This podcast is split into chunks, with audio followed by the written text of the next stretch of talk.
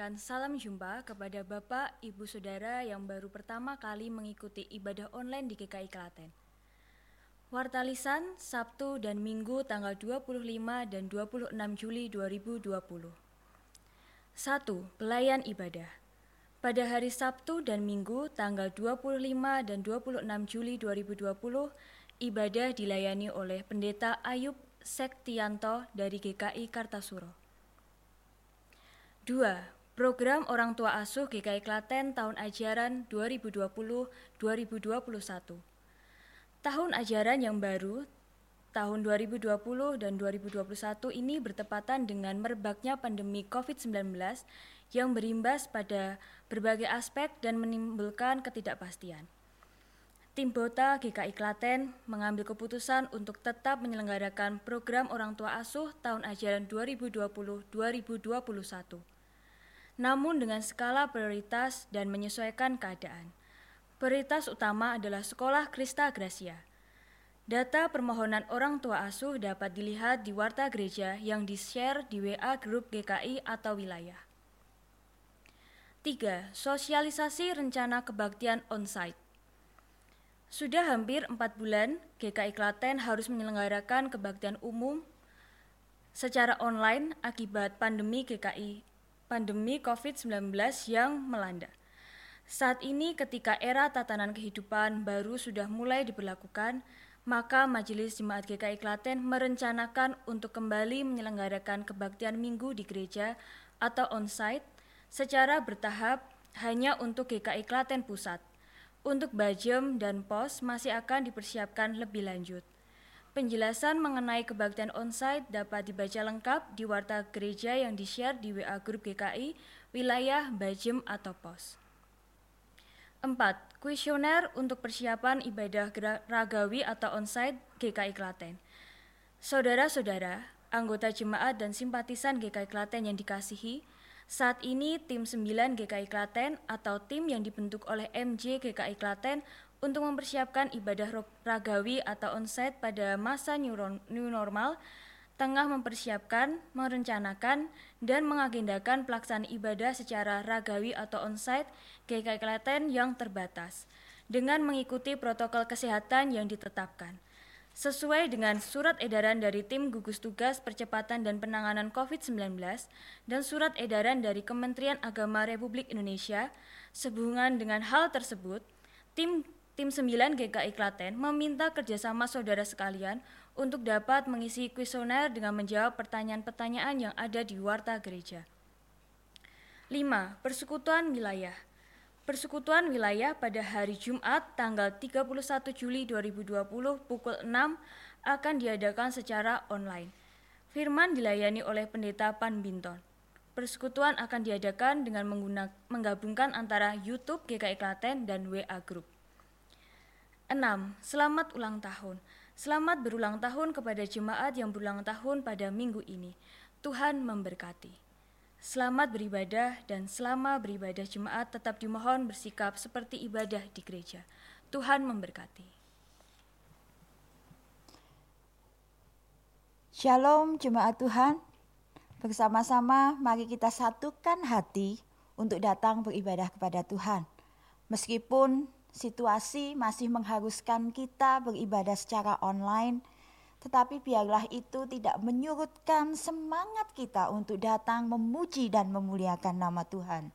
Hai Kristen nyanyilah NKB nomor 1 bait 1 dan 2. Mari kita pujikan dengan penuh sukacita.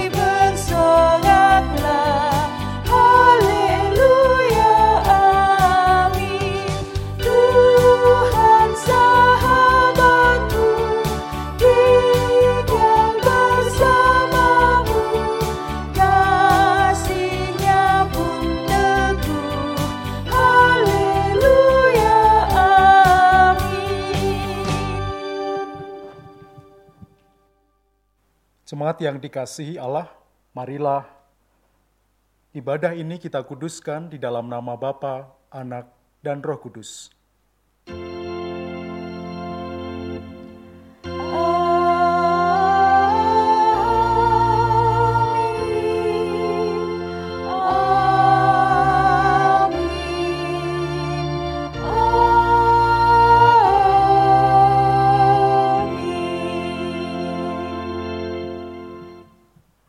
Tuhan beserta dengan saudara. dan, Dan saudara, saudara juga. Jemaat dipersilakan untuk duduk kembali. Dan jemaat Tuhan sudah lebih dari empat bulan kita belum bisa kembali untuk beribadah secara tatap muka. Tetapi kita sungguh bersyukur bahwa penyertaan Tuhan senantiasa ada pada kita. Dan Tuhan mau hari demi hari yang kita lalui semakin membuat kita mengenali sejumlah prinsip dan nilai sebagai warga kerajaan surga. Dan Tuhan juga mau kita dapat menerapkannya dalam kehidupan kita. Tetapi jemaat Tuhan, sudah layakkah kita disebut sebagai warga kerajaan surga? Mari kita datang dan merendahkan diri di hadapannya, mengakui setiap dosa dan kesalahan kita, sehingga kita dilayakkan untuk menjadi warga kerajaan surga. Mari kita datang pada Tuhan di dalam doa. Ya Allah, jari-jari kami tak pernah cukup menghitung kesalahan yang kami lakukan kertas-kertas yang kami miliki tak akan pernah bisa muat untuk menuliskan semua dosa kami. Banyak hal yang tidak berkenan di hadapanmu. Namun, sering kami lakukan. Saat ini, di masa pandemi ini, kami sering menaruh rasa curiga kepada sesama kami. Jangan-jangan ia akan menularkan virus COVID-19 kepada kami. Kami juga mengabaikan sesama kami saat mereka membutuhkan uluran tangan kami. Saat ini Tuhan dengan penuh kerendahan hati, kami mohon ampuni kami Tuhan. Dan layakkan kami untuk boleh menjadi warga kerajaan surga seturut dengan perintahmu. Sucikanlah kami ya Allah. Biarlah kami hari demi hari boleh menjadi anak-anakmu yang baik, anak-anakmu yang setia, dan selalu berjalan bersama engkau di jalanmu. Inilah permohonan kami kepadamu ya Allah. Amin. Sekali lagi mari kita renungkan segala dosa-dosa kita dengan menyanyikan PKJ 37. Bila ku renung dosaku.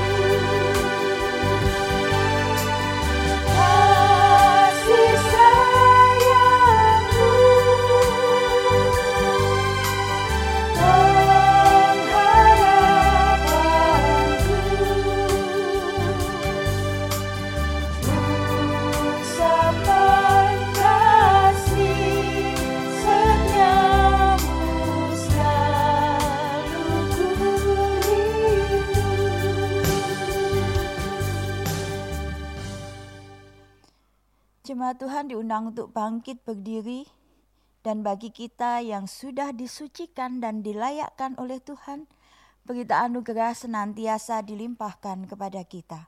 Dan saat ini berita anugerah diambil dari Roma pasal 8 ayat yang ke-28.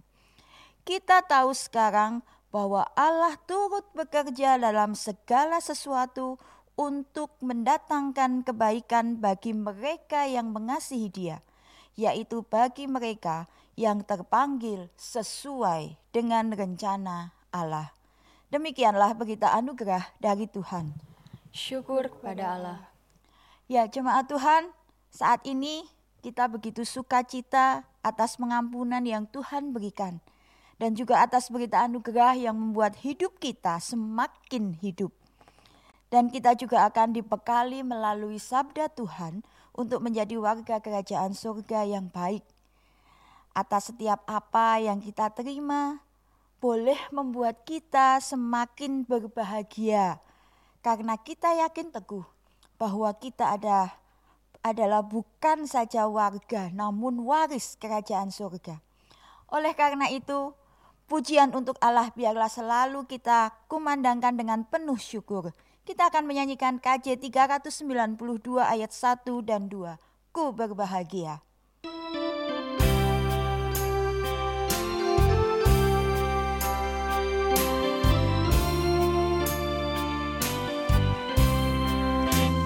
Ku berbahagia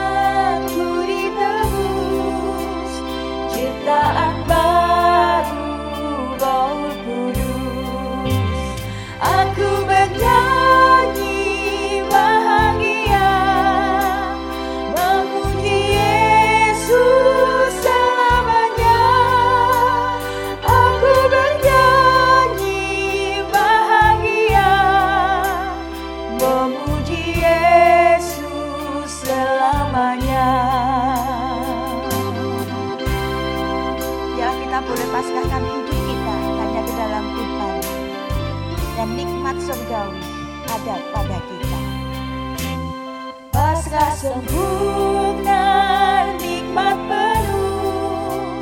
Suka surgawi melimpahiku. Lagu malaikat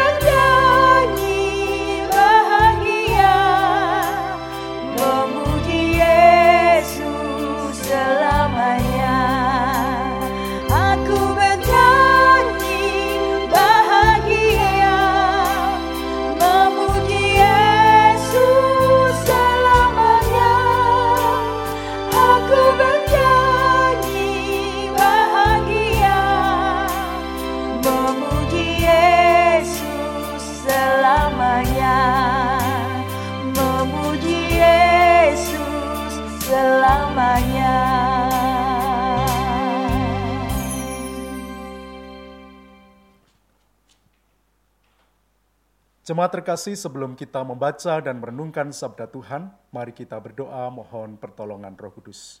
Mari berdoa. Biarkanlah di sepanjang siarah kehidupan kami, nama Yesus selalu kami puji, nama Yesus selalu kami agungkan dalam hidup kami. Yesus yang hadir pada kehidupan kami hari demi hari. Yesus yang juga akan menyapa kami pada saat ini melalui firman-Mu yang akan kami baca dan renungkan. Kami yakin dan percaya bahwa kuasa Roh Kudus hadir atas setiap kami. Satu demi satu, Engkau mengurapi kami dengan kuasa Roh Kudus, agar kami dimampukan untuk bukan hanya sekadar membaca sabda Tuhan, tetapi juga dimampukan untuk memberlakukan firman itu melalui hidup kami setiap hari. sehingga kehidupan kami adalah sungguh-sungguh menjadi bagian dari apa yang kau firmankan. Dan kami menjadi warga kerajaan surga yang dengan taat dan setia memperlakukan sabda Tuhan. Berfirmanlah ya Allah, dengan penuh syukur kami menyambutnya. Dalam Kristus sabda yang hidup, kami berdoa dan percaya. Amin.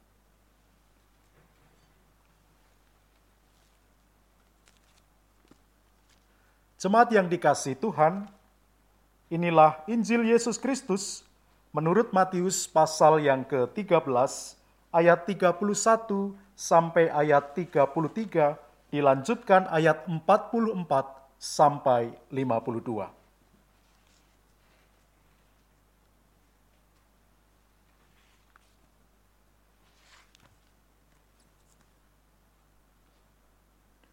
Inilah Injil Yesus Kristus. Yesus membentangkan suatu perumpamaan lain lagi kepada mereka, katanya, Hal kerajaan sorga itu seumpama biji sesawi yang diambil dan ditaburkan orang di ladangnya. Memang biji itu yang paling kecil dari segala jenis benih, tetapi apabila sudah tumbuh, sesawi itu lebih besar daripada sayuran yang lain bahkan menjadi pohon, sehingga burung-burung di udara datang bersarang pada cabang-cabangnya.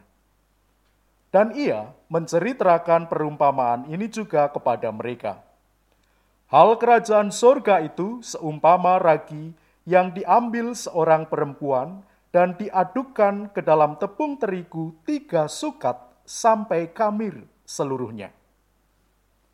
Ayat 44 Hal kerajaan sorga itu seumpama harta yang terpendam di ladang, yang ditemukan orang, lalu dipendamkannya lagi. Oleh sebab sukacitanya, pergilah ia menjual seluruh miliknya, lalu membeli ladang itu.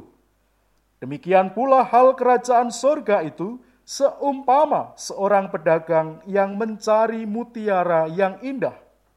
Setelah ditemukannya mutiara yang sangat berharga, ia pun pergi menjual seluruh miliknya, lalu membeli mutiara itu. Demikian pula hal kerajaan sorga itu, seumpama pukat yang dilabuhkan di laut, lalu mengumpulkan berbagai-bagai jenis ikan. Setelah penuh, pukat itu pun diseret orang ke pantai, lalu duduklah mereka dan mengumpulkan ikan yang baik ke dalam pasu, dan ikan yang tidak baik mereka buang.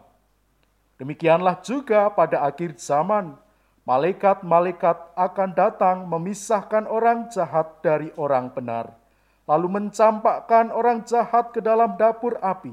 Di sanalah akan terdapat ratapan dan kertakan gigi. Mengertikah kamu semuanya itu? Mereka menjawab, "Ya, kami mengerti."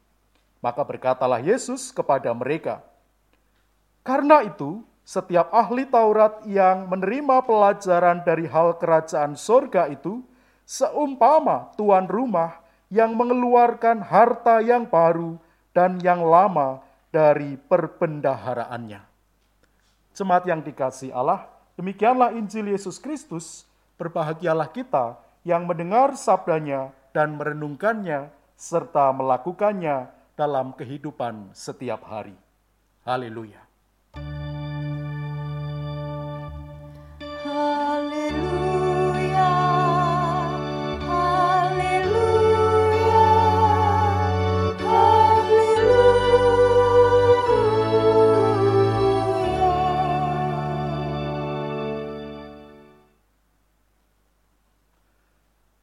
Suatu hari saya berkunjung ke sebuah sekolah Kristen di kota Solo. Siang itu, saudara-saudara, adalah kunjungan saya yang pertama kali ke sekolah tersebut. Saya berkunjung ke sekolah itu karena saya akan memimpin persekutuan guru dan karyawan pada saat itu. Sambil menunggu waktu memimpin persekutuan guru dan karyawan, saya duduk di tempat duduk di depan ruang guru di teras begitu ya. Tidak ada yang mengenali saya karena saya adalah orang baru. Ya, tidak ada yang mengenali saya di tempat itu. Maklum, saya masih pembicara baru, masih nyupi, gitu ya, masih belum dikenal. Nah, saudara, pada saat duduk-duduk itulah saya sedang santai begitu. Ada seorang murid lewat. Ya, ada seorang murid lewat. Dan betapa saya terkejut. Murid itu, ya dia masih kecil ya, uh, usia SD kelas 2, kelas 3 begitu. Uh, saya terkejut karena murid ini lewat di depan saya. Saudara tahu dia lewat sambil membungkukkan badannya. Dia lewat sambil membungkukkan badannya. Tanda dia memberikan hormat kepada saya, seorang asing yang belum dikenalinya, yang baru pertama kali datang ke sekolahnya. Di siang hari yang panas terik itu, saudara-saudara, setelah murid itu datang dan membungkuk di depan saya, sekalipun cuacanya begitu panas, tapi hati saya menjadi begitu teduh. Hati saya menjadi begitu gembira karena saya menemukan seorang anak di sebuah sekolah Kristen ya memiliki sebuah nilai yang berharga namun sekaligus juga nilai yang sering terlupakan. Sering dilupakan sebagai hal yang penting apalagi di zaman yang semakin transaksional. Nilai kesopanan. Dan setelah peristiwa itu, setelah anak itu pergi dengan hati yang diluapi dengan keyakinan, saudara-saudara, saya bertekad. Suatu hari nanti saya akan menyekolahkan anak saya di tempat ini. Di tempat yang muridnya diajari nilai-nilai kesopanan. Saudara yang dikasih Tuhan, nilai, value, adalah hal penting yang menggerakkan. Hal penting yang menjadi dasar, yang menjadi alasan, yang mendrive, yang apa ya, membuat orang ya berlari atau berjalan pada tujuan, pada arah kehidupan seseorang. Sebuah nilai itu menjadi dasar bagi seseorang untuk melakukan apa yang menjadi tujuan hidupnya. Nah, saudara, ketika Yesus dalam bacaan Injil tadi bicara tentang kerajaan sorga, sejatinya Yesus sedang mengajak saudara-saudara dan juga saya untuk memberlakukan dan menghayati betapa pentingnya nilai-nilai kerajaan sorga itu untuk dilakukan dan ia perintahkan. Jadi ketika dia berbicara tentang kerajaan surga, sebenarnya dia sedang mengajak kita untuk melihat nilai-nilai yang utama tentang bagaimana warga kerajaan surga mestinya memperlakukan hidup. Saudara pernahkah saudara membayangkan kalau ngomongin soal kerajaan surga, pernahkah saudara membayangkan seperti apa sih kerajaan surga itu? Bayangan apa yang saudara imajinasikan ketika mempercakapkan tentang kerajaan surga. Mungkin kita teringat uh, akan pandangan banyak orang bahwa kerajaan surga itu merupakan sebuah tempat yang sangat megah, penuh dengan cahaya. Di sana banyak awan yang tenang, yang terang, atau di surga itu banyak oh, tanaman yang segar, ya, buah-buahan di sana ranum sekali, ada tahta di mana Allah duduk di sana, lalu para malaikat mengelilingi Allah itu, ya, para malaikat juga mengelilingi tahta itu, semuanya berpakaian putih, semuanya berpakaian jernih dan terang, gitu ya. Itu biasanya yang dibayangkan tentang kerajaan surga. Nah, perumpamaan yang terdapat dalam Injil Matius menolong kita untuk membayangkan kerajaan surga dengan cara yang agak berbeda. Jika selama ini kita berpikir kerajaan sorga sebagai sebuah tempat, sebagai sebuah bangunan, sebagai sebuah wilayah, teritori tertentu di mana Allah e, membangun kerajaannya, atau kita mengenalnya dalam istilah bahasa Inggris kingdom, ya kita sering membaca kerajaan surga sebagai kingdom, sebuah wilayah, sebuah tempat, sebuah bangunan yang terbelenggu di sana oleh waktu, oleh ruang terbatas, yang karena itu baru akan ditemui nanti ketika kita sudah tidak ada di dunia ini. Orang bicara kerajaan surga sering kali ngomong itu kan perkara nanti ketika kita sudah berpulang, ketika kita tidak ada lagi di dunia. Maka Injil hari ini menegaskan bahwa kerajaan itu bukan hanya sebatas tempat, bukan hanya sebagai kingdom, tetapi kerajaan itu sebuah suasana, sebuah kondisi. Kerajaan surga adalah situasi di mana Allah memerintah. Maka ia bukan sekadar bangunan kingdom, tetapi dia juga adalah kingship, tempat di mana Allah menjadi raja, tempat di mana Allah memerintah, tempat di mana pun itu, kapan pun itu Allah memerintah. Ketika Allah memerintah, tentu segala hal yang baik terjadi. Dan kapan Allah memerintah? Dulu, kini, nanti, dan selama-lamanya. Artinya, ini bicara tentang sebuah suasana, kondisi di mana Allah memerintah dan tidak terbatas ruang dan waktu. Jadi kerajaan surga adalah suasana dan kondisi yang tak terbatas ruang waktu di mana pun, kapan pun ketika Allah memerintah, Allah menjadi raja, Allah ditaati dan dihormati perintahnya, di sanalah nilai-nilai yang bajik itu kemudian diupayakan dan dijalankan dengan sukacita. Di situ kerajaan surga terjadi.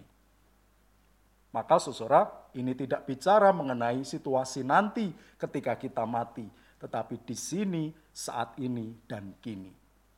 Apa nilai-nilai kerajaan surga yang Allah melalui Yesus sampaikan? Dalam bacaan Injil kita, ada beberapa perumpamaan yang Yesus sampaikan. Yang pertama, itu tentang biji sesawi dan ragi. Biji sesawi, saudara tahu kita sering membahasnya mungkin dalam berbagai pemahaman Alkitab dan lain sebagainya. Ini biji terkecil, tetapi ketika dia tumbuh, ia menjadi pohon yang besar dan rindang tempat burung-burung bersarang di sana. Ragi. Apa itu? Sedikit saja, tetapi dapat mengkamiri 40 liter tepung terigu menjadi roti yang mengembang dengan sempurna. Kecil seperti biji sesawi, sedikit saja seperti ragi, tapi dapat berdampak besar. Jadi, hidup sebagai warga kerajaan sorga berarti hidup untuk bersedia bertekun. Untuk bersedia bertekun mau memulai dari suatu langkah yang kecil, yang sederhana, tetapi ketika ditekuni pada proses, setia pada proses bersabar pada waktu-waktu pertumbuhan, ia akan mampu berdampak dan dampaknya menjadi besar.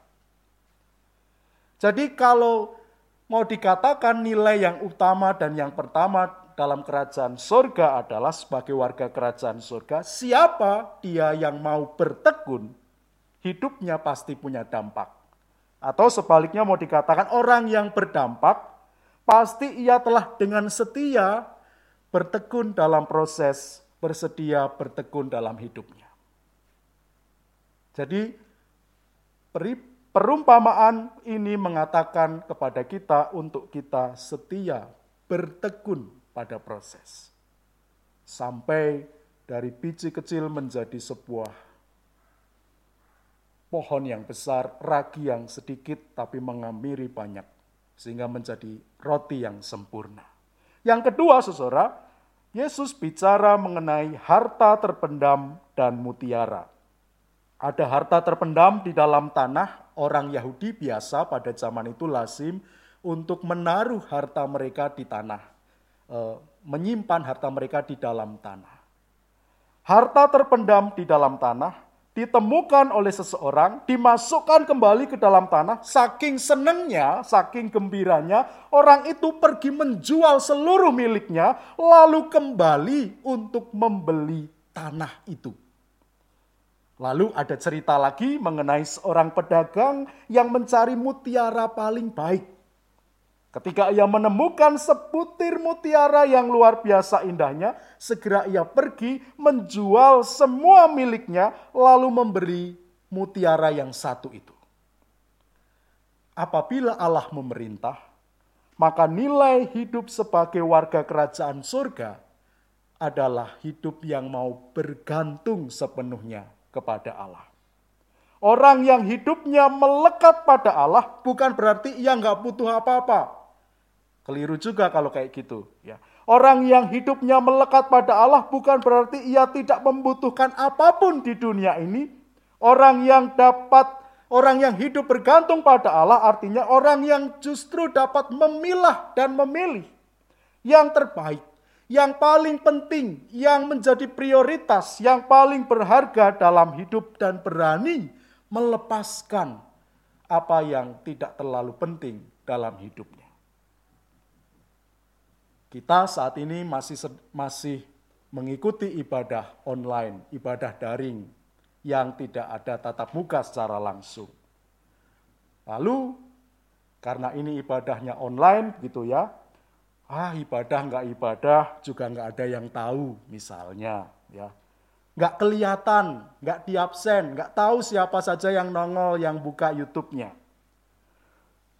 Atau ya lihat bentar aja lah kalau bagus, nyanyiannya enak, ya, WL-nya keren gitu, ya dilanjutkan. Tapi kalau khotbahnya lama, membosankan, seperti sekarang misalnya gitu ya, ya sudah ditinggal saja. Cari yang lain nggak ada yang tahu gitu ya. Bagus diterusin, ngebosenin, matiin. Kita punya pilihan.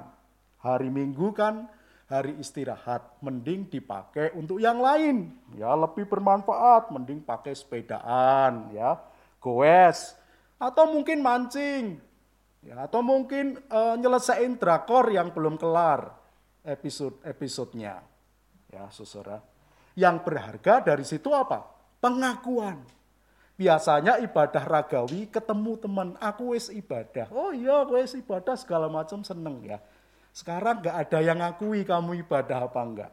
Sehingga yang menjadi berharga bukan perjumpaan dengan Tuhan dalam ibadah, bukan perjumpaan dengan Tuhan bersama dengan keluarga, tetapi pengakuan aku wis ibadah atau belum.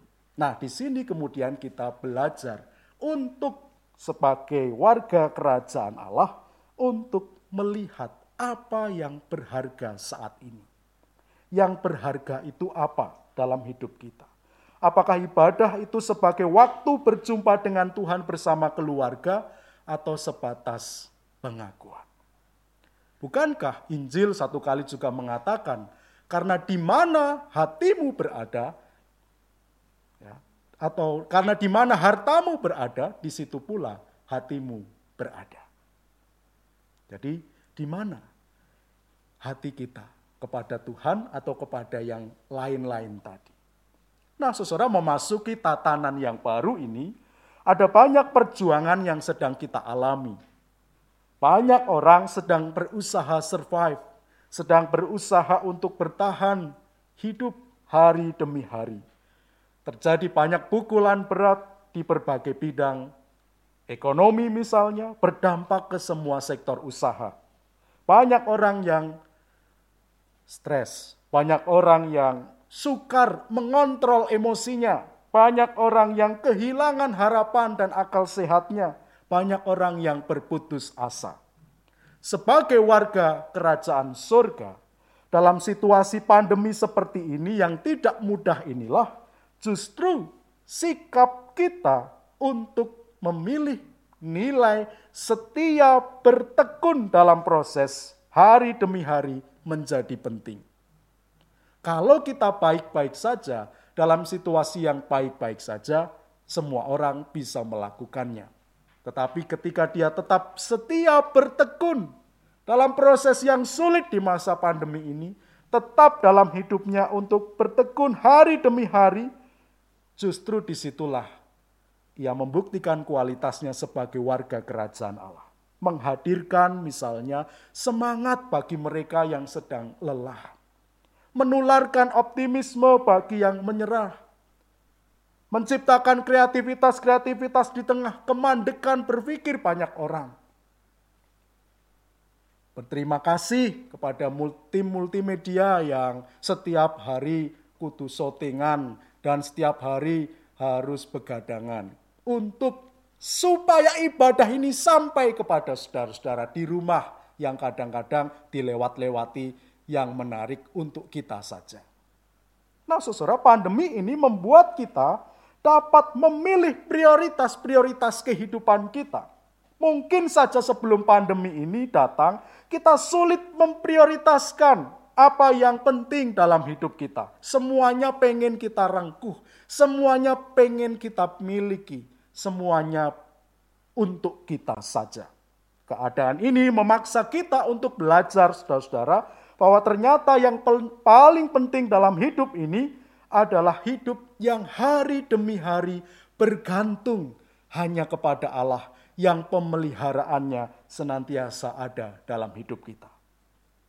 Maka sebagai warga kerajaan surga, nilai yang mesti kita terus tularkan adalah hidup bertekun hari demi hari dan bergantung sepenuhnya pada pemeliharaan Allah.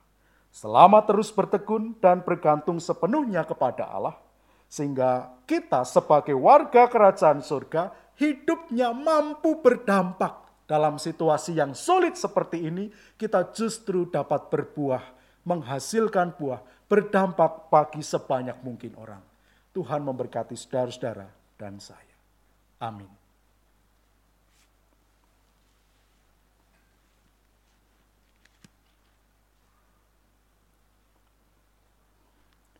Mari kita menaikkan doa syafaat kita.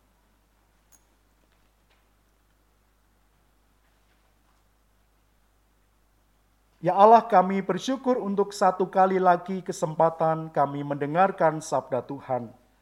Biarkanlah Tuhan menolong kami dengan kuasa roh kudus, agar sabdamu ini sungguh-sungguh menjadi bagian yang dapat kami perlakukan. Di masa yang sulit ini, ajarlah kami untuk bertekun di dalam segala apa yang kami kerjakan hari demi hari. Sebab siapa pun yang bertekun, hidupnya pasti berdampak bagi sebanyak mungkin orang. Orang yang mau berdampak dalam hidup adalah orang yang mau terus bertekun di dalam upaya dan usahanya memuliakan Tuhan melalui hidupnya. Ajar kami dalam segala kesulitan dan pergumulan hidup ini untuk kami memprioritaskan Tuhan, bergantung hanya kepada Engkau ya Allah yang memiliki kehidupan kami. Kami telah membuktikan dalam suka duka hidup Engkau terbukti setia menolong dan merawat kami, umat kepunyaanmu. Tuhan berkatilah bangsa kami yang sedang berjuang di masa-masa pandemi ini. Menolong kiranya pemerintah agar dapat menentukan arah yang baik bagi kehidupan dan kesejahteraan kami sebagai warga bangsa ini. Tuhan menolong kami sebagai warga masyarakat. Tuhan menolong kami sebagai bagian dari persekutuan umat percaya di GKI Klaten khususnya Tuhan menolong kami sebagai warga kerajaan surga, agar kami dimampukan untuk menghadirkan nilai-nilai kerajaan surga itu kini dan di sini melalui karya hidup kami, agar kami menjadi umat yang setia bertekun, umat yang senantiasa bergantung dan menyerahkan segala kekhawatiran kami pada tangan Tuhan yang kuat. Tuhan menolong saudara kami yang sakit, mereka yang dalam masa pemulihan dan penyembuhan, dikaruniakanlah kesehatan kepada mereka. keluarga yang merawat, kami yakin Tuhan senantiasa berkati, berikan kesabaran dan sukacita. Bapa yang baik, kami menyerahkan Tuhan kehidupan kami yang akan kami jalani sepekan ke depan dengan berbagai karya, kerja, aktivitas, studi kami, dan berbagai hal yang harus kami lakukan sekalipun terbatas karena pandemi. Tuhan beserta dengan kami memampukan kami untuk melakukan bagian kami dengan baik, untuk terus berdampak nyata bagi kehidupan, di mana pun tempat Tuhan menaruhkan kami. Kami percaya kesehatan dikaruniakan kepada kami, berkatmu senantiasa mencukupkan kehidupan kami. Dan kami mau mengakhiri doa syafaat kami ini dengan menyatakan iman percaya kami bahwa Tuhan senantiasa memelihara hidup kami hari demi hari. Dan biarkanlah kami mengakhirinya dengan doa yang dikau ajarkan. Bapa kami yang ada di surga, dikuduskanlah namamu, datanglah kerajaanmu, jadilah kehendakmu di bumi seperti di surga. Berikanlah kami padanya, makanan kami yang sejuk. Dan ampunilah kami akan kesalahan kami, seperti kami juga mengampuni orang yang bersalah pada kami dan jangan bawa kami dalam pencobaan, tapi lepaskanlah kami daripada yang jahat. Karena engkau lah yang punya kerajaan dan kuasa dan kemuliaan sampai selama-lamanya. Amin.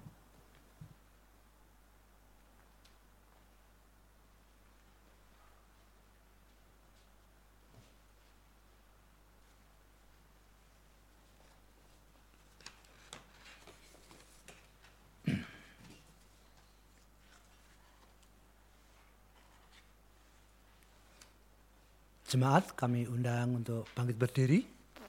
Marilah kita bersama-sama dengan umat Allah di masa lalu, masa kini dan masa depan, mengingat pengakuan kita pada baptisan kita menurut pengakuan iman rasuli. Aku percaya kepada Allah, Bapa yang Maha Kuasa, kali langit dan bumi, dan kepada Yesus Kristus anaknya yang tunggal, Tuhan kita, yang dikandung dari roh kudus, lahir dari anak darah Maria, yang menderita sengsara di bawah pemerintahan Pontius Pilatus, disalibkan, mati dan dikuburkan, turun ke dalam kerajaan maut.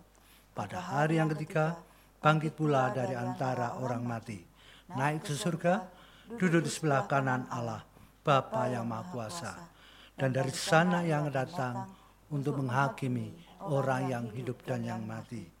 Aku percaya kepada kudus, gereja yang kudus dan am, persekutuan orang kudus, pengampunan dosa, kebangkitan orang mati, dan hidup yang kekal. Amin. Kini kita akan mengumpulkan persembahan dengan alternatif sebagai berikut. 1. Transfer ke rekening BCA Klaten dengan nomor 030 atas nama GKI Klaten. 2 dengan scan kode QRIS memakai aplikasi keuangan atau vintage atau internet banking yang terinstal di handphone.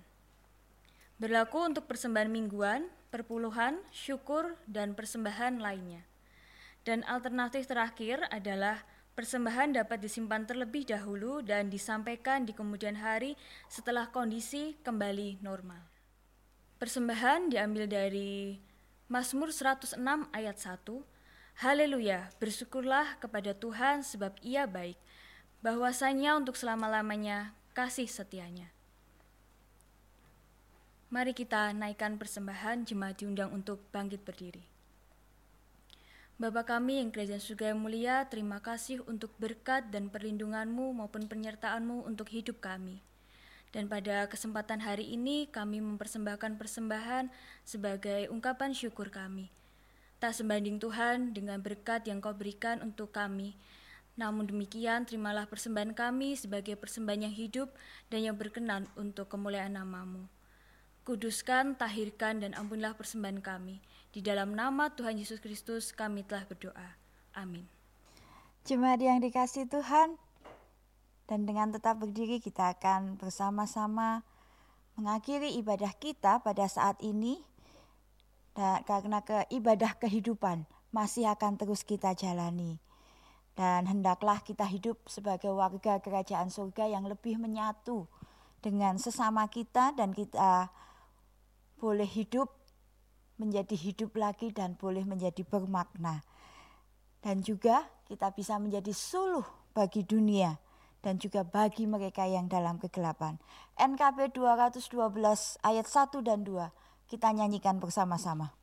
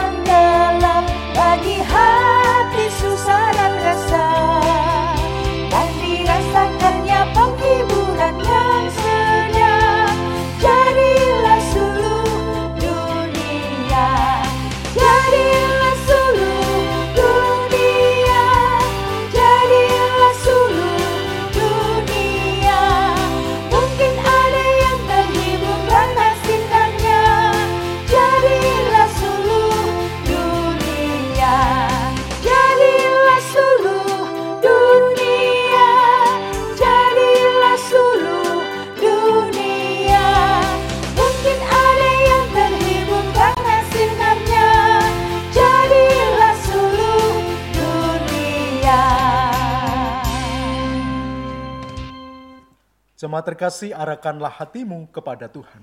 Kami merahkan hati kami kepada Tuhan. Jadilah saksi Kristus. Syukur, Syukur pada Allah. Terpujilah Tuhan. Kini dan selamanya. Sambut dan terimalah berkat Tuhan.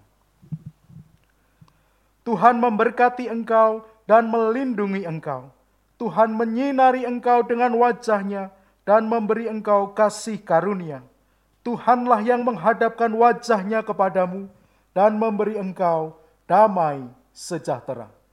Amin.